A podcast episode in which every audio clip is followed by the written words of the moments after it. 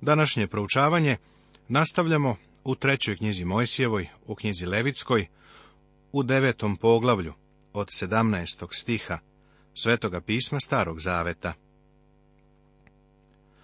Aron prinosi jestivu i zahvalnu pomirnu žrtvu. Prinese i dar, i uzevši od njega punu šaku, zapali na oltaru svrh jutrenje žrtve paljenice. Potom zakla vola i ovna na žrtvu zahvalnu za narod.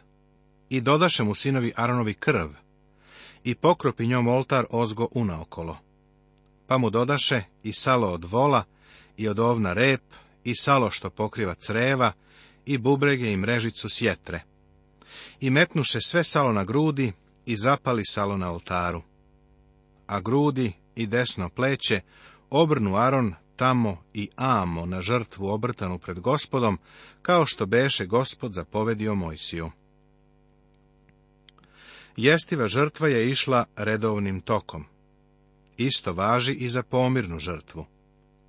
Aron, kao predstavnik naroda, iznosi žrtve pred gospoda kroz prolivanje krvi. Narod je prihvaćen, blagoslov će uslediti. Aron blagosilja narod i slava Božja se pokazuje. Tada podiže Aron ruke svoje prema narodu i blagoslovi ih. I siđe svršiv žrtvu za greh, i žrtvu paljenicu, i žrtvu zahvalnu. Potom uđe Mojsije s Aronom u šator od sastanka, a kad opet izađoše, blagosloviše narod. I slava se gospodnja pokaza svemu narodu jer dođe oganj od gospoda i spali na oltaru žrtvu paljenicu i salo. I videvši to, sav narod povika i padeničice. Blagoslov je usledio nakon prinošenja tri žrtve, žrtve za greh, žrtve paljenice i žrtve zahvalne, pomirne. Zatim su se Mojsije i Aron povukli u šator. Smatra se da su u vreme večernje žrtve izašli da blagoslove narod, a onda se slava Božja pojavila.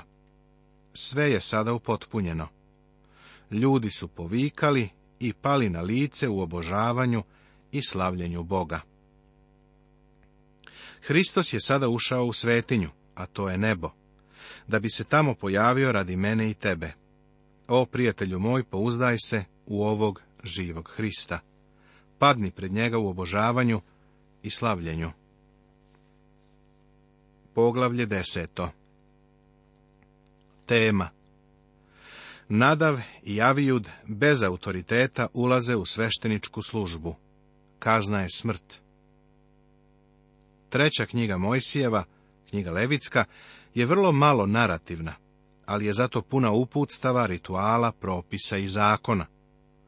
Ovo poglavlje nam daje promenu, jer je narativno. Međutim, Interesantnost je skoro zbrisana, jer ovo poglavlje iznosi užasnu tragediju koja je ovdje zabeležena. Ovo je još jedna mrlja u dugačkoj i bednoj istoriji ljudskog greha i zloće. Ovo je zapis o pobuni i neposlušnosti dvojice Aronovih sinova. To se dešava nakon slavnog dana posvećenja, koje je zabeleženo u prethodnom poglavlju. Tako često vidimo kako se ovo događa. Nakon bljeska pobede imamo poraz. Baš kao u knjizi Isusa Navina, gdje je nakon pobede nad Jerihonom usledio sraman poraz kod Aja. Drskost i obraženost Nadava i Avijuda su tako zastrašujuće kada ih posmatramo u svetlu jasnog učenja koje je Bog dao na gori Sinaj. I sami sveštenici koji pristupaju ka gospodu, neka se osveštaju, da ih ne bi pobio gospod, kaže druga knjiga Mojsijeva. A u 30. poglavlju druge knjige Mojsijeve, Bog je Mojsiju dao formulu za kad koji se prinosio u šator od sastanka i rekao je, a takvoga kada kakav načiniš, nemojte sebi praviti, to neka ti je svetinja za gospoda. Ako li bi ko načinio takav da ga miriše, istrebit će se iz naroda svoga. Kroz ovaj događaj, na početku doba zakona, pokazana je i dokazana Božja svetost. Svetost Božja je pokazana i na početku doba milosti, kroz događaj sa Ananijom i Safirom. Smrt je bila drastična kazna u oba slučaja. Naš Bog je svet i On sa svojom decom postupa na tom nivou, jer Bog naš je oganj koji proždire, kaže poslanica Evrejima 12. poglavlje, 29. stih Svetoga pisma Novog Zaveta. Ovo je nešto što svi mi danas treba da znamo. Znajući dakle za strah pred Bogom, ljude uveravamo, a pred Bogom smo vidni. A nadam se da smo vidni i u našim savestima, kaže druga poslanica Korinčanim u petom poglavlju 11. stihu. Ovo danas treba da uvidimo. A u poslanici Jevrejima u 12. poglavlju najlazimo na sljedeće upozorenje. Gledajte da ne odbijete onoga koji govori, jer ako ne utekoše oni što odbiše onoga koji je prorokovao na zemlji, još manje ćemo uteći mi, kad se uklanjamo od onoga koji govori sa nebesa. Ovo je veliki greh našeg doba. Ljudi ne slušaju ono što Bog u svojoj reči ima da nam kaže. Pregled Ograničenja sveštenika, poglavlje deseto, smrt Nadava i Avijuda. Incident u vezi sa Nadavom i Avijudom, Aronovim sinovima, stihovi od prvog do petog. Saveti za izlazak iz tog incidenta, stihovi od šestog do jedanaestog. Kao i naredba o žrtvama, u vezi sa ovim incidentom, stihovi od 12. do 20. Incident u vezi sa Nadavom i Avijudom, Aronovim sinovima. A sinovi Aronovi, Nadav i Avijud, uzevši svaki svoju kadionicu, metnuše oganj u njih i na oganj metnuše kad i prinesoše pred gospodom oganj tuđ, a to im ne beše zapovedio tada dođe oganj od gospoda i udari ih, te pogiboše pred gospodom. Moglo bi se raspravljati o tome da li je smrtna kazna bila preteška za počinjeni prekršaj. Ali posebno obrati pažnju na ono što Bog ovde govori, a to im ne beše zapovedio.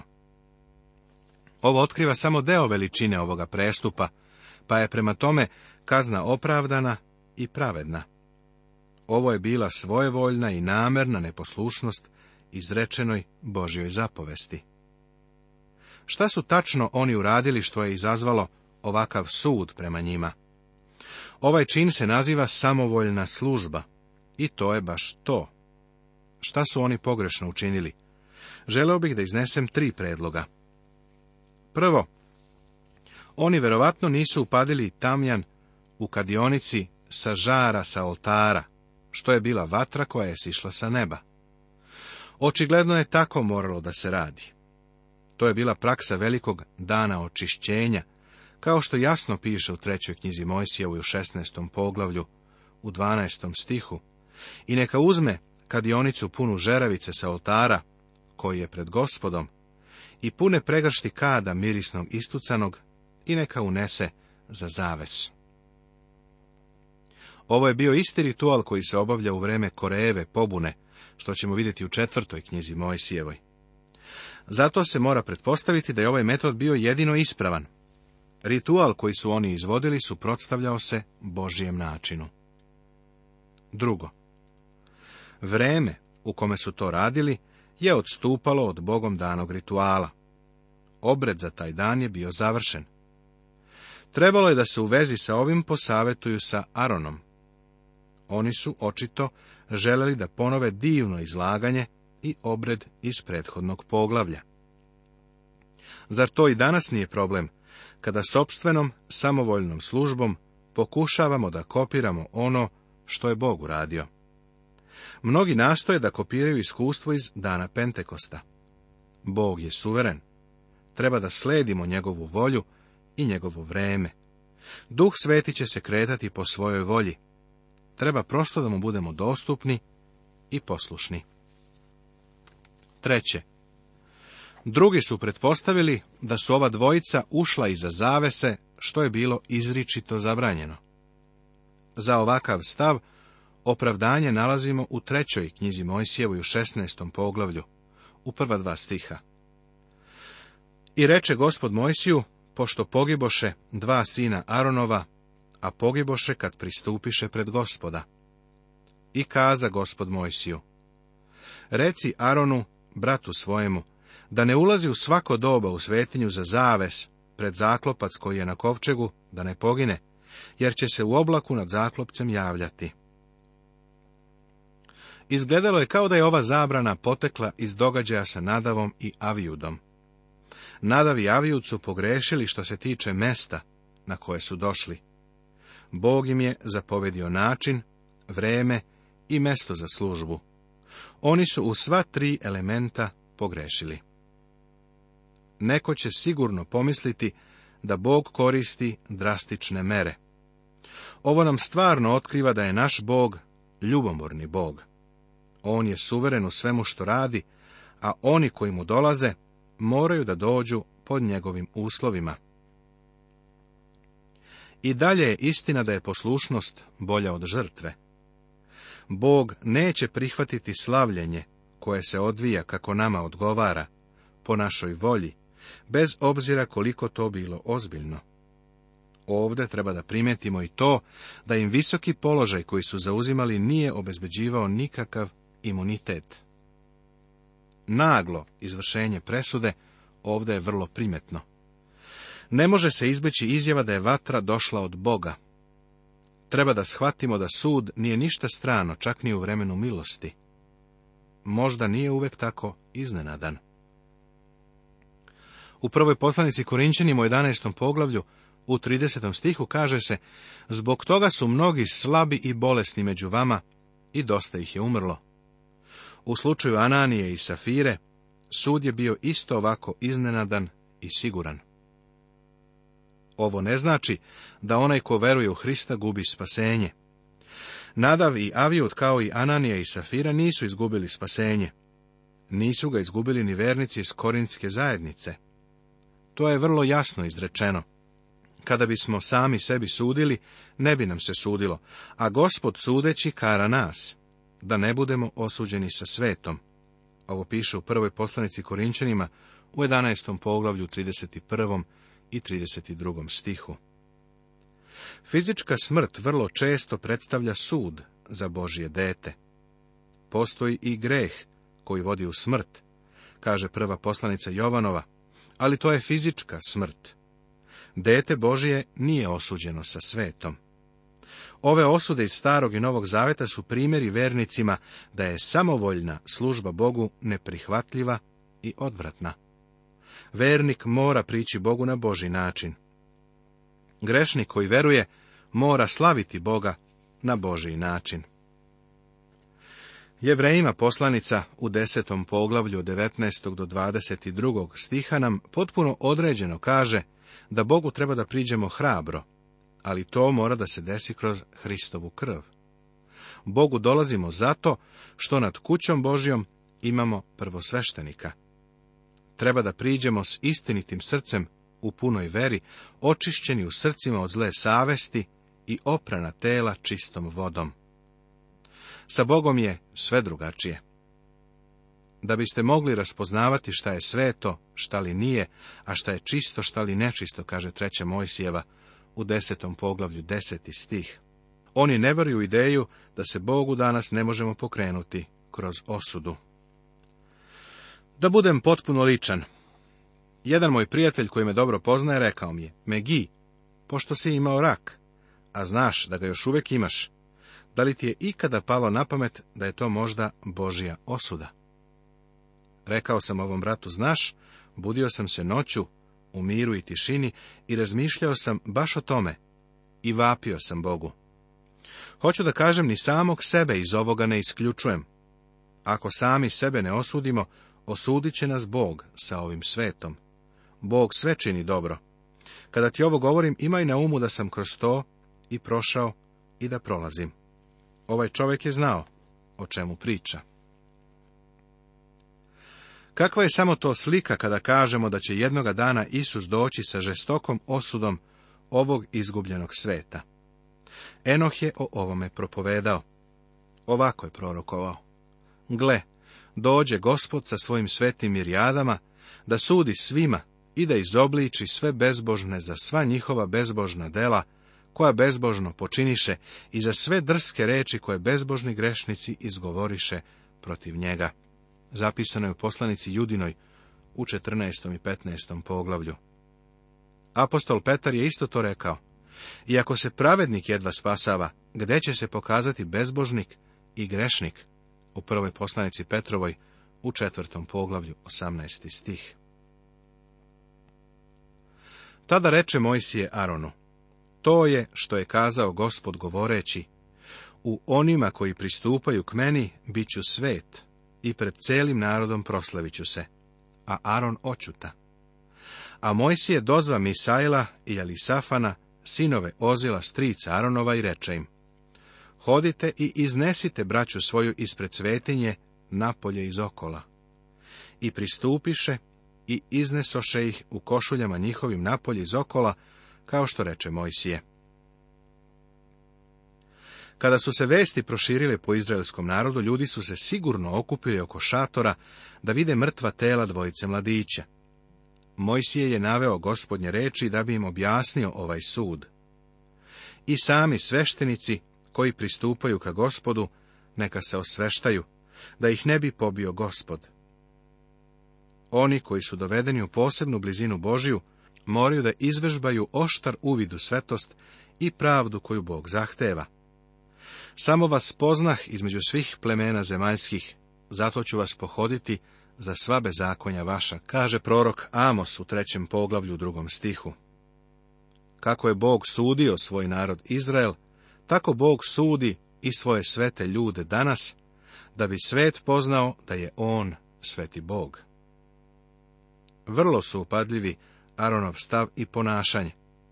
On zadržava stav čutanja.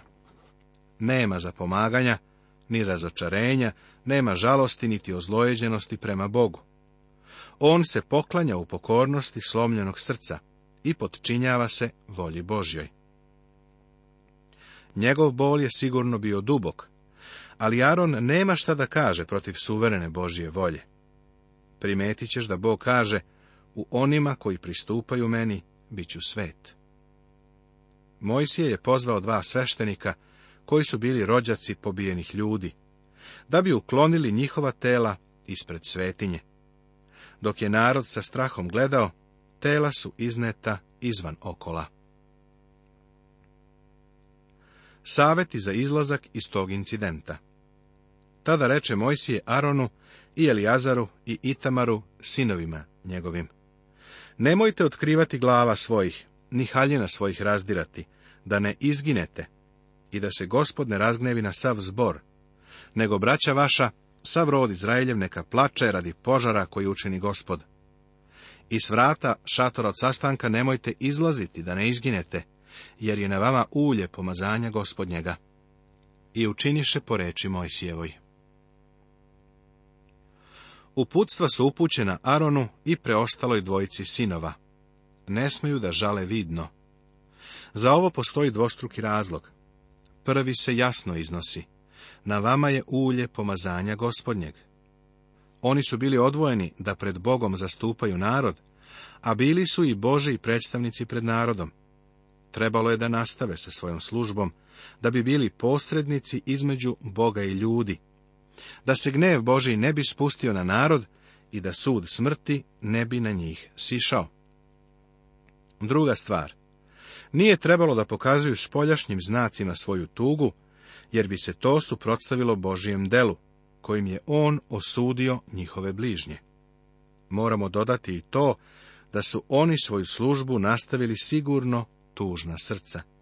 Služili su Bogu, pa nije smeo da postoji nikakav pokazatelj pobune protiv Boga.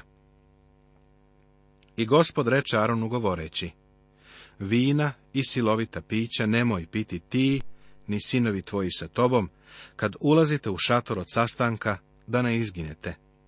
To neka vam je uredba večna od kolena na koleno. Iz ovih savjeta proizilazi da su Nadav i Avijud delovali pod dejstvom alkohola. Ovo je jedan od najlepših primjera u pismu protiv upotrebe alkohola i droge. Sveštanik treba gospodu da služi sa jasnim, pouzdanim, trezvenim umom. Danas imamo one koji zastupaju upotrebu droga u religiji. Prijatelju, Bog prezire ovakav način pristupanja njemu. Upravo ovo je apostol Pavle mislio kada je rekao, ne opijajte se vinom, u čemu je raskalašenost, nego se punite duhom. Svoju snagu i revnost vernik treba da crpi od duha gospodnjeg, a ne iz slabih ljudskih potpora. Kakva je samo ovo lekcija za nas danas protiv droge i alkohola? Nastavit će se.